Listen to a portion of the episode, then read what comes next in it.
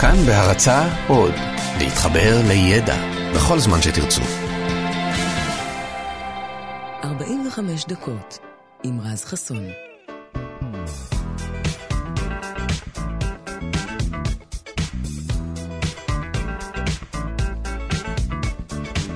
בוקר טוב לכם, כאן תרבות 104.9, 105.3 FM, יום חמישי בשבוע, אז הנה הגענו אליו למרות שאנחנו קצת uh, מצוננים, אני לפחות.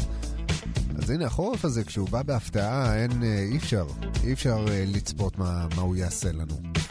אז בסדר, לא נורא, יש לי סוף שבוע שלם להתגבר על זה. ולפעמים, אתם יודעים, כשקשה לנו בחיים, אנחנו שומעים מחברים כל מיני אמירות קלישאתיות כמו אין מה לעשות, אחי, החיים הם כמו רכבת הרים.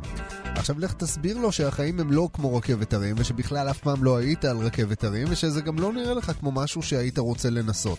כי מה כבר יכול להיות כיף בנסיעה מטורפת על מסילה מפותלת שגורמת לך גם ככה להצטער על הרגע הזה שעלית עליה. אז כמו שאתם מבינים, אני לא חובב רכבות הרים, בטח לא כשאני מצונן, אבל יש כאלה שדווקא ממש כן, וזה הגיוני, כי כדי שרכבות הרים ישרדו כל כך הרבה שנים, אז צריך להיות ביקוש לאטרקציה הזאת, ומתברר שיש, כבר מאות שנים, מאז המאה ה-17 ליתר דיוק. אז מודל האב-טיפוס של רכבת ההרים בכלל לא היה קשור לרכבת, אלא דווקא לסקי. לפני המצאת התשתית של רכבת ההרים, מי שהיו צמאים לריגוש הזה של לטוס על המסילה, מצאו אותו במגלשת אה, קרח ענקית שהוקמה ברוסיה. התוואי של המגלשה הזאת היה טבעי לגמרי, זה היה מדרון הר רצוף בשלג, שכדי להכשיר אותו לסקי מזחלות, אז המסלול רוסס במים לכל אורכו, מה שיצר שכבה עבה של קרח אה, חלקלק כזה. אז בנקודת השיא של המגלשה הייתה אפילו צניחה של המסלול בזווית של 50 מעלות, ואנשים פשוט עפו על זה, תרתי משמע. אז המודל הזה היה השראה שהובילה לפיתוח אה, מודל מתקן הרכבת הערים הראשון, כמו שאנחנו מכירים, מה שנחנך בפריז ב-1817.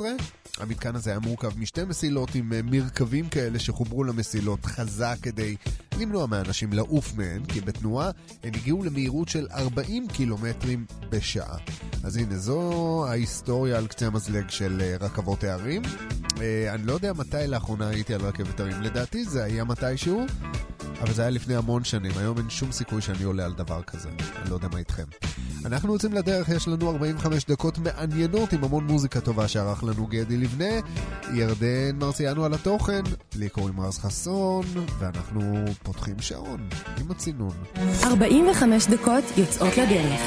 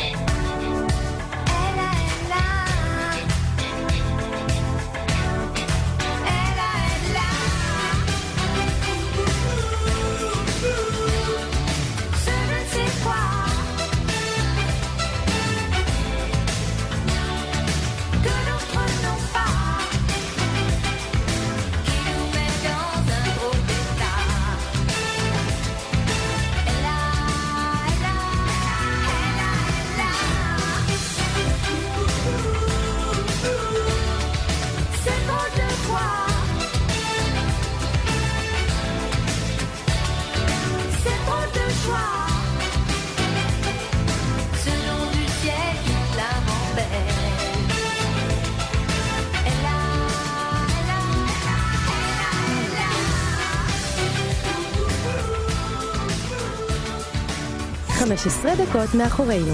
נותרו עוד 30 דקות.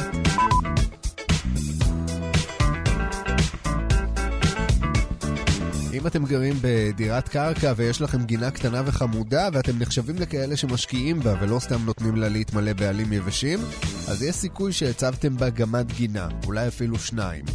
אבל גם אם אין לכם גמת גינה בגינה, אתם בטוח מכירים את דמויות החרסינה הקטנות האלה, הצבעוניות, שקונים בכל uh, חנות כזאת, אתם יודעים, של uh, מוצרי גינון וכל מיני קישוטים. עכשיו, הדמויות האלה כבר שנים מקשטות גינות של אנשים בכל רחבי העולם, זה לא מיוחד רק לנו כמובן, ואני בטוח שלא ידעתם שמאחורי החיוכים הקטנים של הגמדים האלה, יש היסטוריה אפלה ועגומה משהו. אז היא מתחילה באנגליה של המאה ה-18, שהייתה תקופה של אה, שפע, מותרות ובעיקר תצוגות ראווה של עושר, וכשיש לך כל כך הרבה כסף, רכוש ואמצעים, כל מה שמעסיק אותך זה להראות כמה באמת יש לך, וכמה מה שיש לך הוא הכי טוב והכי הרבה.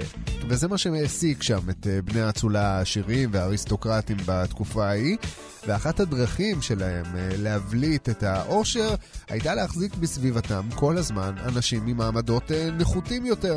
וכדי שאנשים כאלה יהיו בסביבתם כמה שיותר, הם היו משלמים להם כדי שיגורו בגנים שלהם שברחבי האחוזות שבהן הם גרו.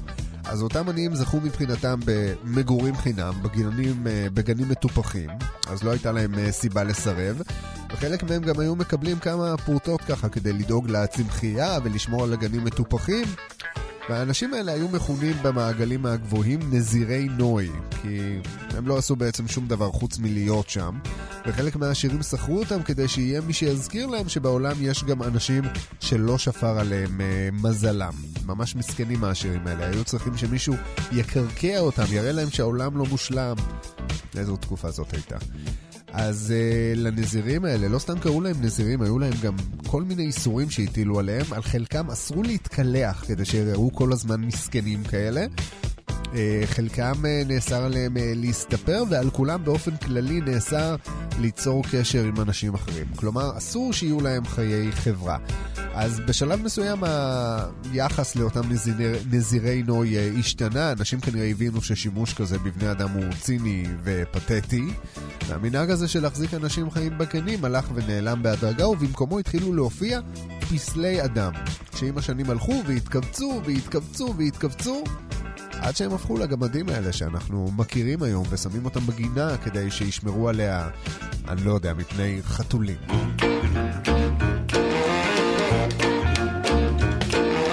שם עמדה על רציף הנמל,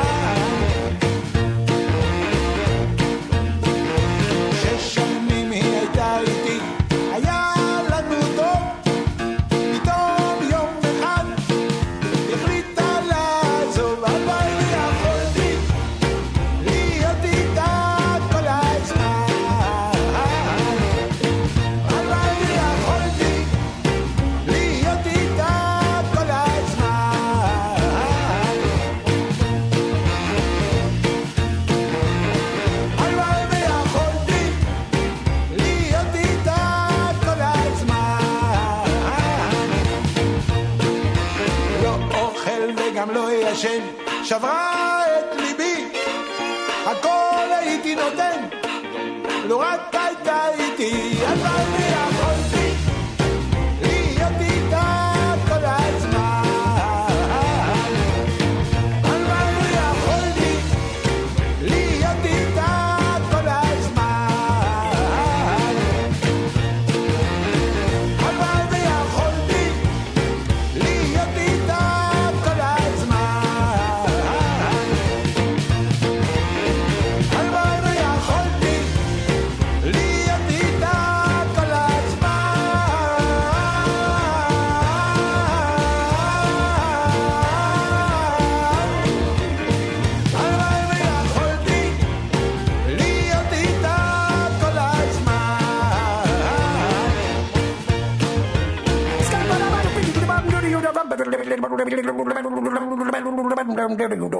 I'm a scat man.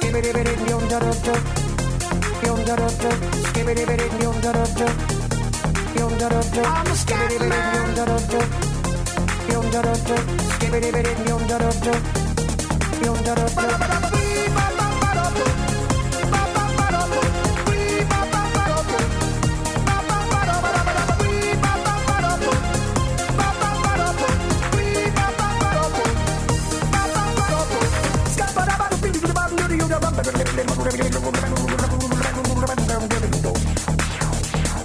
Everybody stutters one way or the other, so check out my message to you.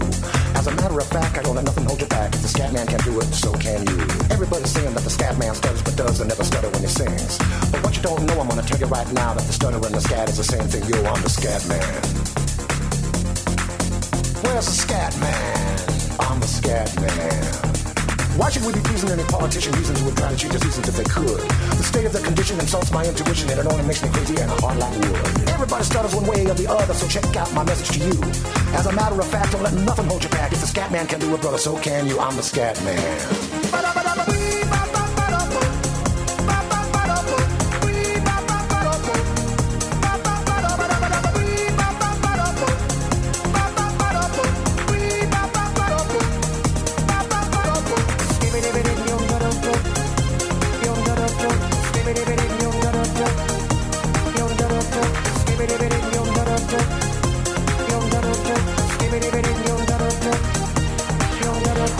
Everybody stutters one way or the other, so check out my message to you.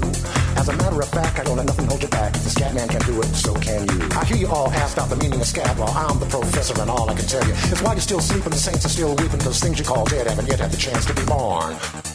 I'm the scat man.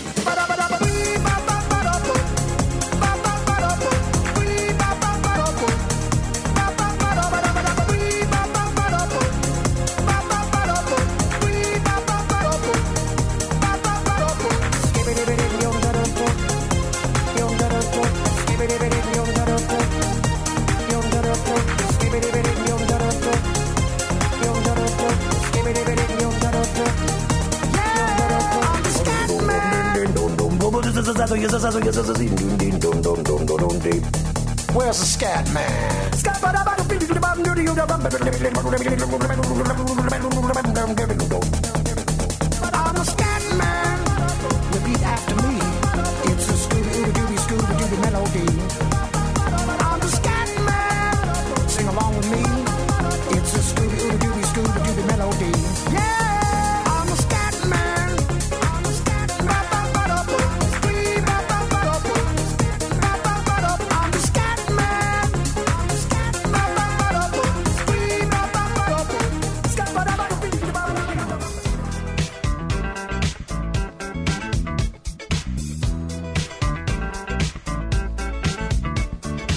יש מי שקמים בבוקר, מתלבשים ויוצאים ישר לעבודה, יש מי שמתפללים בבוקר, ויש גם מי שעושים תרגילי אה, יוגה.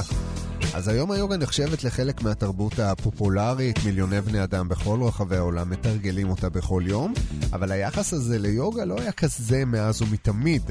עד לפני 90 שנים בערך היחס ליוגה במערב, בעיקר בארצות הברית, היה אחר לגמרי. לא, לא יהיה מוגזם אפילו להגיד שבמערב אפילו רדפו את השיטה, ובעיקר את מי שהיה מזוהה איתה, כמו במקרה של אה, מושל אוקלאומה ג'ונסטון, שהודח מכהונתו רק בגלל יוגה.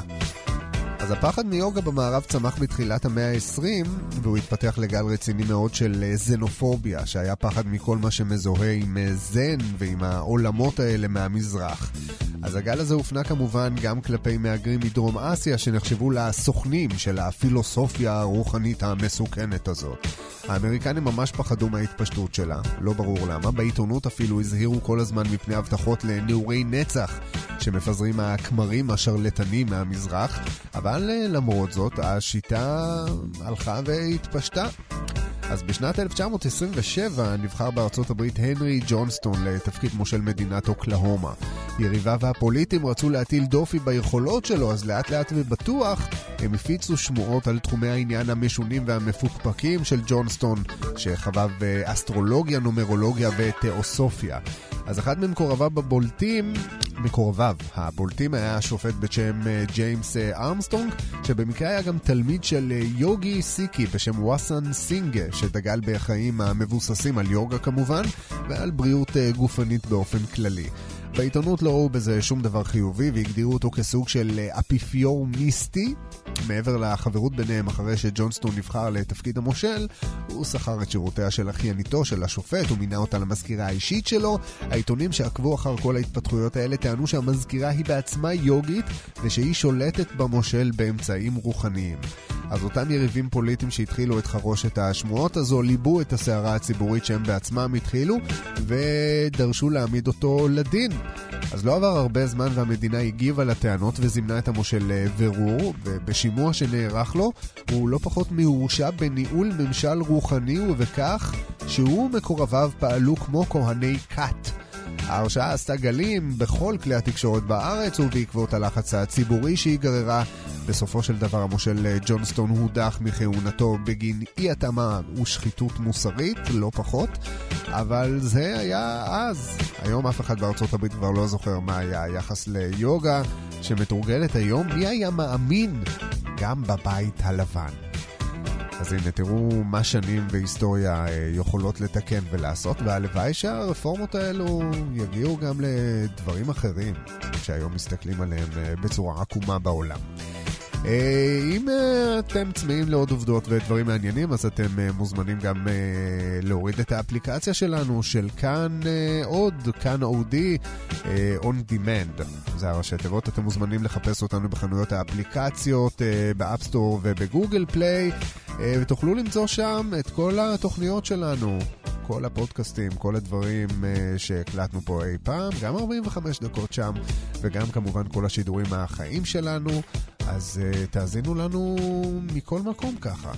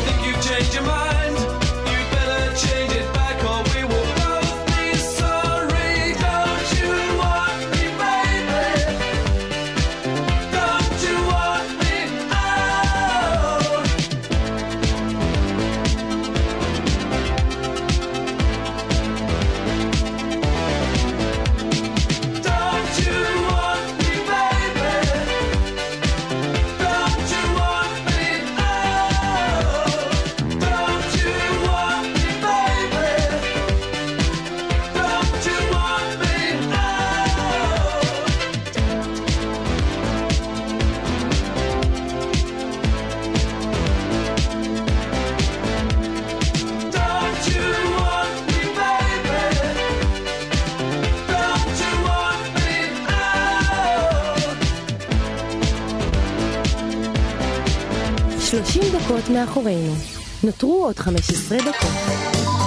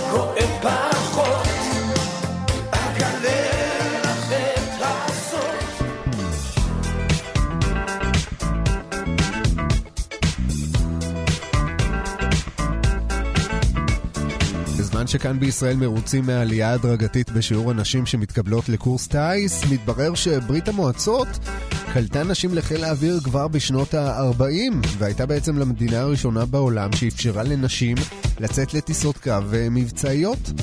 אז לגדוד הנשים הטייסות הראשון שהוקם קראו גדוד 588, שהיה גדוד המפציצות הראשון בעולם. גויסו אליו נשים אה, מגיל 17 עד 26 שהפציצו אלפי מטרות של צבא גרמניה הנאצית בתקופה ההיא. העובדה שהמטוסים לא היו מטוסי קרב אלא מטוסים קלים כאלה לא מנעו מהטייסות להטיל מהם באופן ידני יותר מ-23 אלף טונות של חומר נפץ. אז למשקל הקל של המטוסים היה גם יתרון, הם תמרנו בקלות יחסית מעל אש נ"מ והמנועים שלהם כמעט ולא הרעישו, כך שהטייסות הצליחו לעבור מעל המטרות מבלי שמישהו ירגיש בהן רוב הזמן.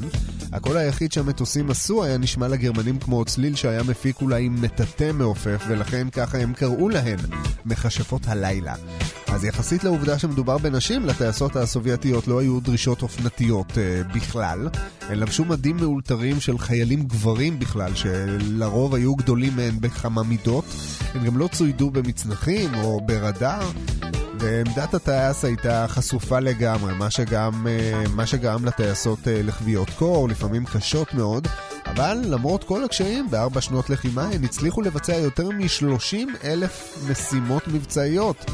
בצבא הנאצי אגב התייחסו לטייסות האלה מאוד ברצינות, אה, אפילו עד כדי כך שחיילים שהצליחו ליירט מטוס שלהן היו זוכים באות של כבוד, זה היה אות מיוחד כזה שנשמר להפלה של מטוס של מכשבות הלילה.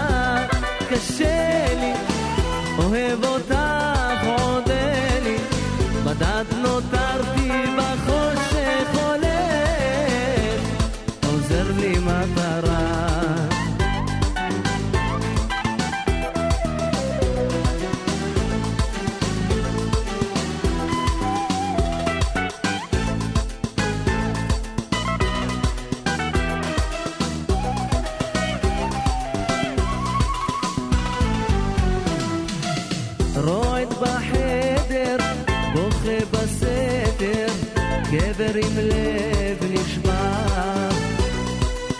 רוצה